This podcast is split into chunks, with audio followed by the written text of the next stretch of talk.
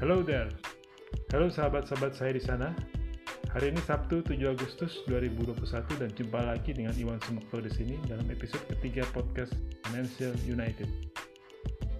Kali ini kita akan membahas mengenai airline industry atau industri penerbangan dengan judul topik bahasannya yaitu format baru maskapai penerbangan di era pandemi di mana topik, topik ini sebelumnya telah dimuat dalam kolom opini di Harian Bisnis Indonesia edisi tanggal 7 Juli 2021.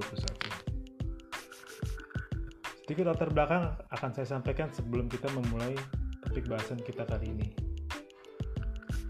Industri penerbangan atau airline industries adalah salah satu industri yang terpukul hebat dan mengalami dampak yang sangat berat akibat pandemi COVID-19 adanya pembatasan mobilitas di seluruh dunia dalam upaya untuk mencegah penularan virus COVID-19 telah secara drastis menyebabkan berkurangnya jumlah perjalanan atau trip, baik barang maupun manusia.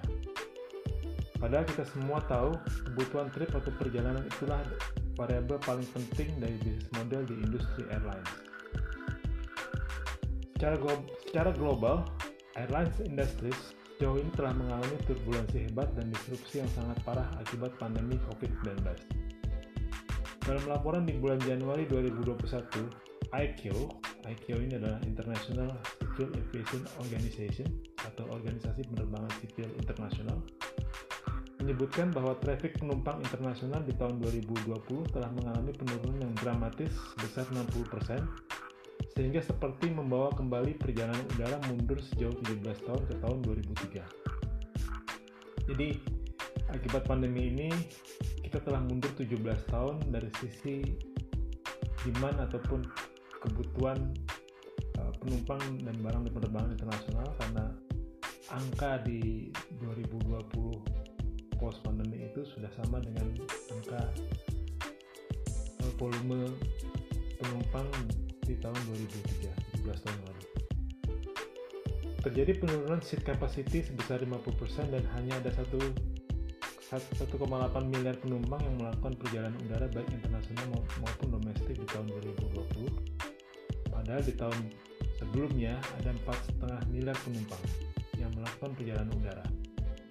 Sementara dari sisi finansial, industri penerbangan global telah mengalami kerugian sebesar 370 miliar US dollar sebagai akibat dari pandemi.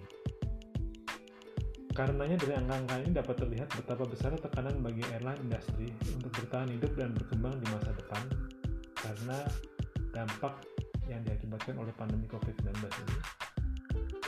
Di mana dalam periode yang sangat pendek, jumlah penumpang pesawat, pesawat terbang secara global telah turun dengan drastis sebesar 60%, sementara Sebelum pandemi dari tahun 2000 sampai dengan sebelum pandemi, jumlah penumpang pesawat terbang global ini hanya tumbuh dengan compounded annual growth rate atau CAGR sebesar 5%. Beberapa airlines yang didukung dengan domestic market yang besar seperti Air di Indonesia, di China, kemudian di Amerika Serikat, di Uni Soviet, India, Brazil juga masih memiliki potensi bisnis yang dapat menopang airlines untuk bertahan hidup selama periode pemulihan pemulihan ekonomi pasca pandemi. Namun untuk airlines yang bisnis modelnya sangat tergantung dari international flight, maka bisa dibayangkan bahwa praktis tidak akan ada potensi ekonomi yang dapat mendukung upaya survivability dari dari uh, upaya untuk bertahan hidup uh, survivability dari airlines tersebut sebelum pemulihan ekonomi terjadi sehingga akan menjadi sangat tergantung dengan dukungan dana dari pemegang saham. Selanjutnya jumlah penumpang pesawat terbang diprediksi belum akan kembali ke level sebelum pandemi selama penularan virus COVID-19 belum dapat dikendalikan. Karena akibat pandemi tersebut, banyak negara yang menutup perbatasannya dalam waktu lama, sehingga otomatis mengurangi kebutuhan perjalanan manusia dalam jumlah yang sangat signifikan. Sementara itu, akibat pandemi, maka kebutuhan perjalanan barang juga mengalami penurunan yang signifikan Akibat berkurangnya permintaan karena penurunan kegiatan ekonomi di banyak negara maupun karena perubahan jaringan rantai pasok global atau global supply chain yang cenderung dan trennya mulai menjadi lebih sederhana dan melibatkan lebih sedikit negara dalam jaringannya. Oleh karena itu, turbulensi hebat yang belum pernah terjadi dalam industri penerbangan ini diprediksi akan membawa dampak jangka panjang yang akan memaksa airlines untuk melakukan restrukturisasi agar dapat bertahan hidup sehingga paling tidak harus dilakukan restrukturisasi normatif yang berupa penyesuaian armada pesawat disertai dengan rasionalisasi biaya yang disesuaikan dengan volume bisnisnya. Jadi tekanan berkurangnya demand atau atau kebutuhan perjalanan yang begitu besar sampai 60% itu memang harus disikapi oleh airlines agar bertahan hidup. Caranya adalah restrukturisasi. Restrukturisasi itu level yang paling awal, yang paling uh, minimal adalah tadi kita sebut sebagai restrukturisasi normatif. Ini artinya yang dilakukan dalam restrukturisasi normatif ini hanya melakukan penyesuaian armada disertai dengan rasionalisasi biaya yang disesuaikan dengan volume bisnisnya. Untuk airlines yang didukung dengan dukungan dana yang sangat solid dari pemegang saham ya, sebagian besar pemerintah eh, seperti misalnya beberapa major airlines di kawasan Teluk ada Emirates, ada Etihad, ada Qatar ya kita tahu. Kemudian major airlines di uh, Amerika ada American Airlines, United Delta, Southwest, Singapore Airlines, Cathay Pacific, Korean Air, Qantas, Lufthansa, dan beberapa airlines lagi, maka restrukturisasi normatif seperti ini akan dapat dengan mudah dilakukan karena airlines memiliki dukungan dana yang melimpah untuk membiayai kelebihan kapasitas sampai kembalinya demand ke periode pandemi. Jadi untuk airlines-airlines yang didukung oleh pemegang saham dengan kemampuan kemampuan pembiayaan yang solid seperti yang tadi disebutkan di sebelumnya restrukturisasi secara normatif ini bukan hal yang sulit dan memang sudah dilakukan jadi intinya mereka sebetulnya seperti menunggu kembalinya recovery. Armada diperkecil kru diperkecil size perusahaan diperkecil. Namun uh, aktivitas yang dilakukan belum dapat optimal karena memang market yang mereka tuju yaitu market internasional belum terbuka.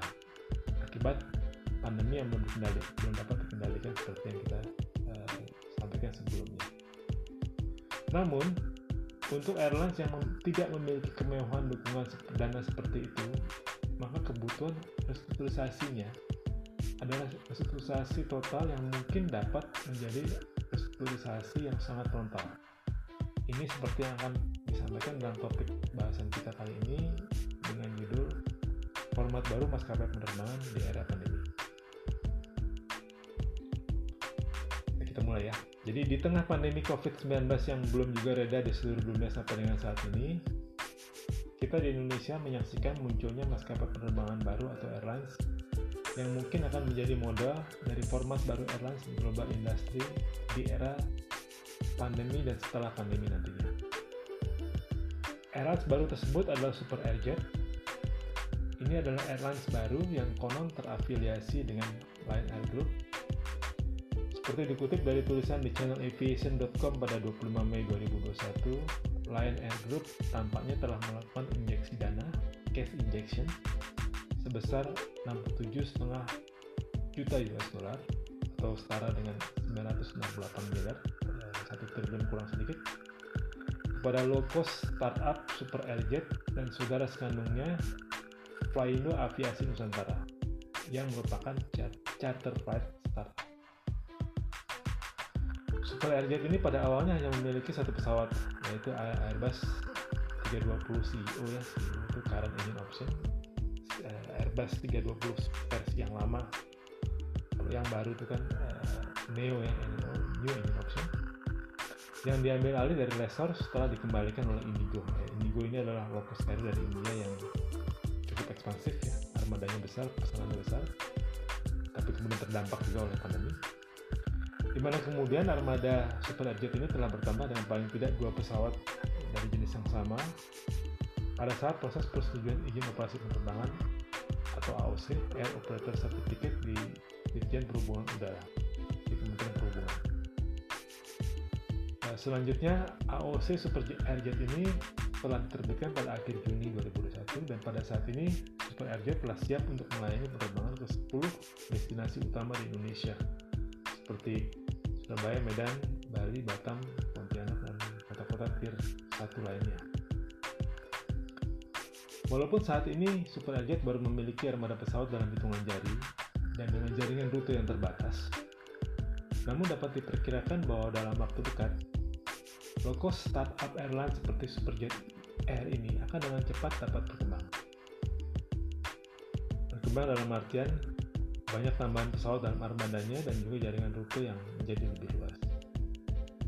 Dan the beauty of the beauty of adalah kesemuanya itu nantinya akan dapat diperoleh dengan relatif relatif mudah disertai dengan biaya yang ekonomis dikarenakan akan banyak pesawat yang dikembalikan ke Leicester dan rute dikembalikan ke otoritas penerbangan karena airline sebelumnya berhenti beroperasi. Jadi uh, startup airline seperti seperti Super Airjet ini nantinya begitu masuk akan memperoleh banyak benefit dari sisi supply pesawat dan supply rute yang available atau terbuka karena maskapai yang ataupun yang menerbanginya sebelumnya sudah berhenti beroperasi. Jadi ini sangat logik ya dan pilihan cerdik untuk uh, mulai bergerak bahkan sebelum pandemi selesai agar dapat membuat plafon plafon atau format baru bisnis nantinya siap untuk beroperasi dengan optimal setelah pandemi selesai. Lebih lanjut lagi, fenomena munculnya low cost startup airline seperti Super Airjet ini bukan hanya di Indonesia tapi juga di industri penerbangan global lain. Boleh jadi akan menandai munculnya champion baru di industri penerbangan yang sejauh ini telah mengalami turbulensi hebat dan disrupsi yang sangat parah akibat pandemi COVID-19 yang nampaknya belum akan berakhir dalam waktu dekat. Airlines baru seperti ini akan dimulai dengan kertas kosong dan punya banyak keleluasan untuk menulis dari awal model bisnisnya yang disesuaikan dengan kondisi saat ini.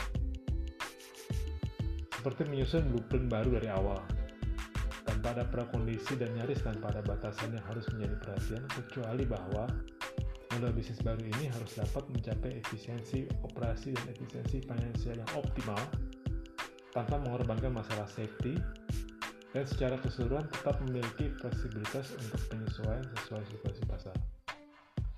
Jadi ini bagian terpentingnya ya dari format baru airlines ini ya, yaitu memiliki fleksibilitas untuk penyesuaian sesuai situasi pasar baik dari sisi operasi dan terutama sekali dari sisi finansial terutama dalam cost targetnya. Jadi dari awal desain desainnya memang adalah untuk mengantisipasi situasi di masa depan yang diperkirakan masih akan banyak menghadapi tantangan terutama sekali karena pandemi covid yang belum dapat tertangani dengan baik. Jadi uh, keharusan untuk menjaga fleksibilitas ini merupakan elemen penting dari bisnis model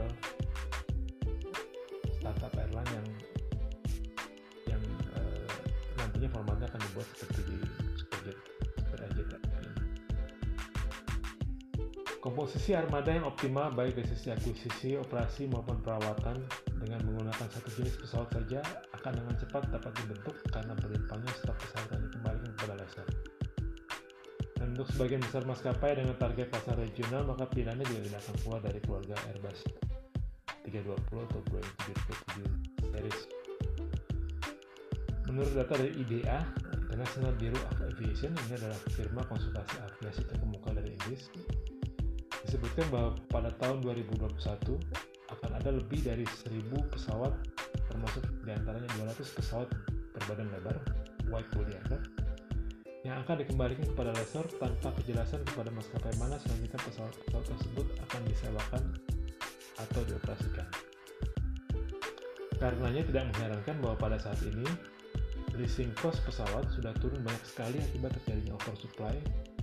Sehingga dalam kondisi buyers market seperti saat ini ini kondisinya sudah buyers market sebetulnya di pasar leasing ya karena begitu banyak pesawat yang tidak terbang begitu banyak pesawat yang dikembalikan oleh operator kepada uh, lessor begitu banyak pesawat yang oleh lessor tidak dapat di place atau ditempatkan lagi di lessor berikutnya karena tidak ada demand ataupun kebutuhan. Jadi pada saat buyers market seperti saat ini airlines dapat memperoleh big discount sampai sebesar 25% dari mulai 25% sampai 50% dari leasing cost sebelum pandemi. Jadi ini tadi yang disebutkan the beauty of munculnya format baru airline seperti Super Airjet ini adalah mereka masuk pada saat situasi buyer's market di pasar leasing sehingga diharapkan mereka akan memperoleh good deal dalam akuisisi ataupun dalam mendapatkan pesawat-pesawat baru juga untuk memperkuat armadanya. Setelah pemilihan jenis pesawat, selanjutnya dalam penetapan rute yang akan diterbangi, maskapai baru ini, airlines baru ini juga akan mendapatkan banyak kemudahan karena banyaknya rute yang tidak dapat terbangi lagi oleh airlines yang berhenti beroperasi. Karenanya mereka memiliki fleksibilitas untuk memilih rute yang merupakan kombinasi terbaik dari sisi daya jelajah, range ya, dan kapasitas kapasiti pesawat, serta potensi market yang selanjutnya dapat dikembangkan untuk mencapai jejaring dan konektivitas yang paling luas. Setelah itu, rekrutmen pilot dan teknisi dapat dengan cepat pula dilakukan, sekali lagi karena memang ada stok yang melimpah, stok pilot, stok teknisi, akibat airline selamanya berhenti beroperasi atau mengurangi aktivitas operasinya di mana semuanya nanti akan dipilih dari sisi ataupun dari kebutuhan yang sama dengan kebutuhan di banyak airline sebelumnya karena pilihan pesawatnya juga sama yaitu jenis pesawat dengan populasi pengguna uh, maskapai terbanyak jadi karena pilihan pesawatnya adalah dengan populasi pengguna terbanyak maka pada saat diperlukan tenaga teknisi dan perawat juga dapat dengan mudah dilakukan karena di pasar tersedia banyak sekali yang berasal dari airlines sama yang mengoperasikan jenis. Selain itu, dalam situasi oversupply pilot seperti saat ini, maka standar gaji pilot teknisi juga telah bergerak cukup jauh ke bawah, sehingga airlines baru ini akan dapat memenuhi kebutuhan pilot dan teknisi dengan biaya sangat. Nah, jadi eh, selain harga pesawat yang menjadi ekonomis karena buyer's market kemudian ketersediaan rute yang terbuka karena banyak rute yang dikembalikan oleh operator yang berhenti operasi maka dari selain itu dari sisi supply tenaga kerja pun terutama tenaga kerja utama ya pilot juga terjadi oversupply sehingga sekali lagi bahwa timing munculnya super airjet ataupun format baru airline di era pandemi ini sangat tepat karena mereka dapat memanfaatkan situasi ini untuk membuat struktur cost-nya menjadi ekonomis dari awal. Yang terpenting kemudian adalah bahwa di dalam bisnis modelnya semua komponen human capital tersebut, jadi mulai dari pilot, teknisi sampai ke tenaga uh, tenaga administrasinya ya, akan diikat dalam kesepakatan perjanjian atau perjanjian atau kontrak kerja yang fleksibel dan dapat disesuaikan dengan situasi makroekonomi dan prospek bisnis industri penerbangan yang terjadi serta terutama sekali tidak memberatkan dan mengikat dalam secara finansial dalam jangka menengah dan panjang. Jadi dari awal ini memang nanti model bisnisnya itu semua fixed cost akan dibuat memiliki elemen fleksibilitas yang disesuaikan dengan situasi makro. Jadi memang ke depannya eh, format era baru ini akan semaksimal mungkin menghindari hal-hal yang mengikat mereka secara finansial dalam dalam kewajiban yang bersifat fix atau tetap ya simply karena memang situasi market kemungkinan besar belum akan menjadi stabil dalam beberapa tahun ke depan karena sekali lagi kita masih masih belum tahu seperti apakah sebetulnya strategi nantinya setelah uh, pandemi ini berlalu. Dengan demikian maka airlines yang muncul kemudian dengan blueprint baru ini boleh jadi sebagian besarnya adalah berupa penyamaan kembali dari legacy airlines ya legacy airlines atau airlines yang lama yang re-emerging dalam bentuk baru sebagai upaya untuk mempertahankan hidupnya dalam industri penerbangan di era pandemi yang disruptif dan tidak lagi kompatibel dengan model bisnis lama. Apakah hal ini nantinya hanya merupakan tren atau kecenderungan saat, atau apakah ini akan menjadi bisnis case baru di industri penerbangan global, era industri? Waktu yang akan menentukan dan sejarah yang akan mencatatnya kelak. Nah, sudah jelas bahwa skema munculnya maskapai dengan blueprint baru untuk melanjutkan hidup legacy airline ini adalah salah satu opsi yang diberikan oleh Menteri BUMN pada saat awal beberapa bulan lalu sedang diputuskan upaya untuk penyelamatan ataupun opsi penyelamatan maskapai nasional Garuda Indonesia.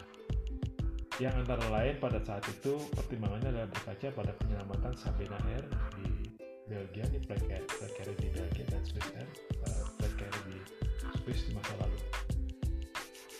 Jadi di masa lalu pun sebetulnya konsep penyelamatan ataupun konsep munculnya startup airline baru seperti uh, Super Air itu sudah muncul walaupun format, konfigurasi dan setting situasinya berbeda ya. Jadi ketika itu penyelamatan Sabena Air pada tahun uh, periode 1991-1992 dilakukan melalui pengambil alihan yang dilakukan oleh startup airline yang namanya SN Brussels Airlines atas sebagian besar aset Sabena termasuk karyawan pesawat dan rute melalui proses kepalitan. Jadi rutenya melalui bankruptcy proceeding melalui proses kepalitan.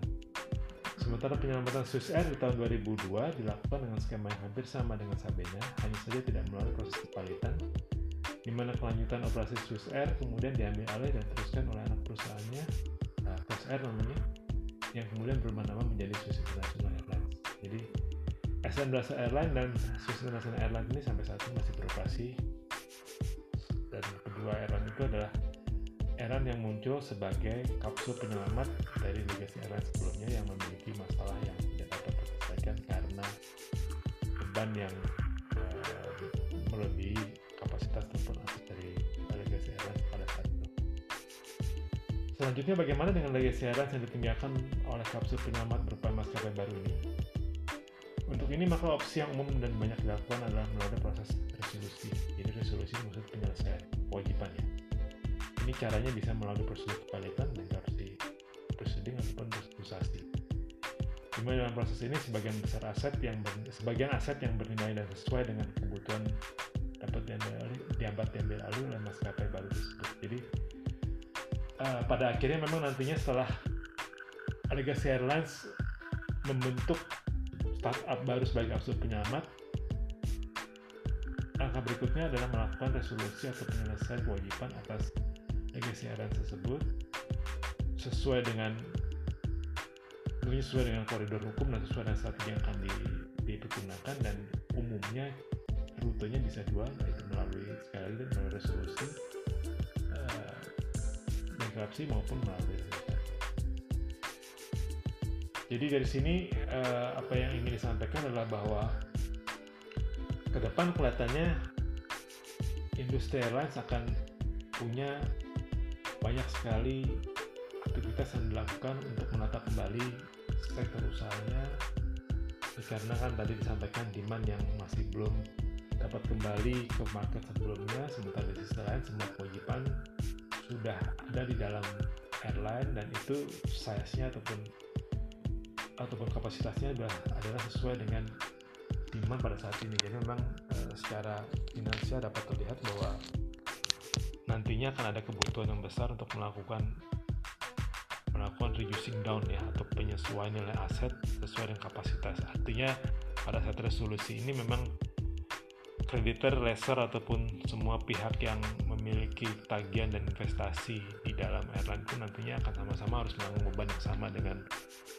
pemilik ataupun dengan uh, owner dari legacy airline tersebut karena memang sebetulnya value mereka sudah jauh berkurang dari nilai asetnya untuk melanjutkan hidup sehingga harus ditinggalkan karena airline sudah akan fokus kepada startup baru ini sebagai wahana baru yang nantinya diharapkan akan dapat mengembangkan sisi komersial atau sisi bisnis airline tersebut ke masa depan. Jadi uh, strateginya startup baru ini untuk melanjutkan kehidupan ke masa depan, legacy akan ditinggalkan dan diselesaikan untuk menyelesaikan kewajiban masa lalu. Demikian kira-kira apa yang uh, materi yang kita bahas di dalam eh, kesempatan kali ini mudah-mudahan bermanfaat dan ada pengetahuan ataupun informasi baru yang berguna bagi sahabat-sahabat saya di sana dan sampai berjumpa di kesempatan yang lain. Terima kasih. 咋了？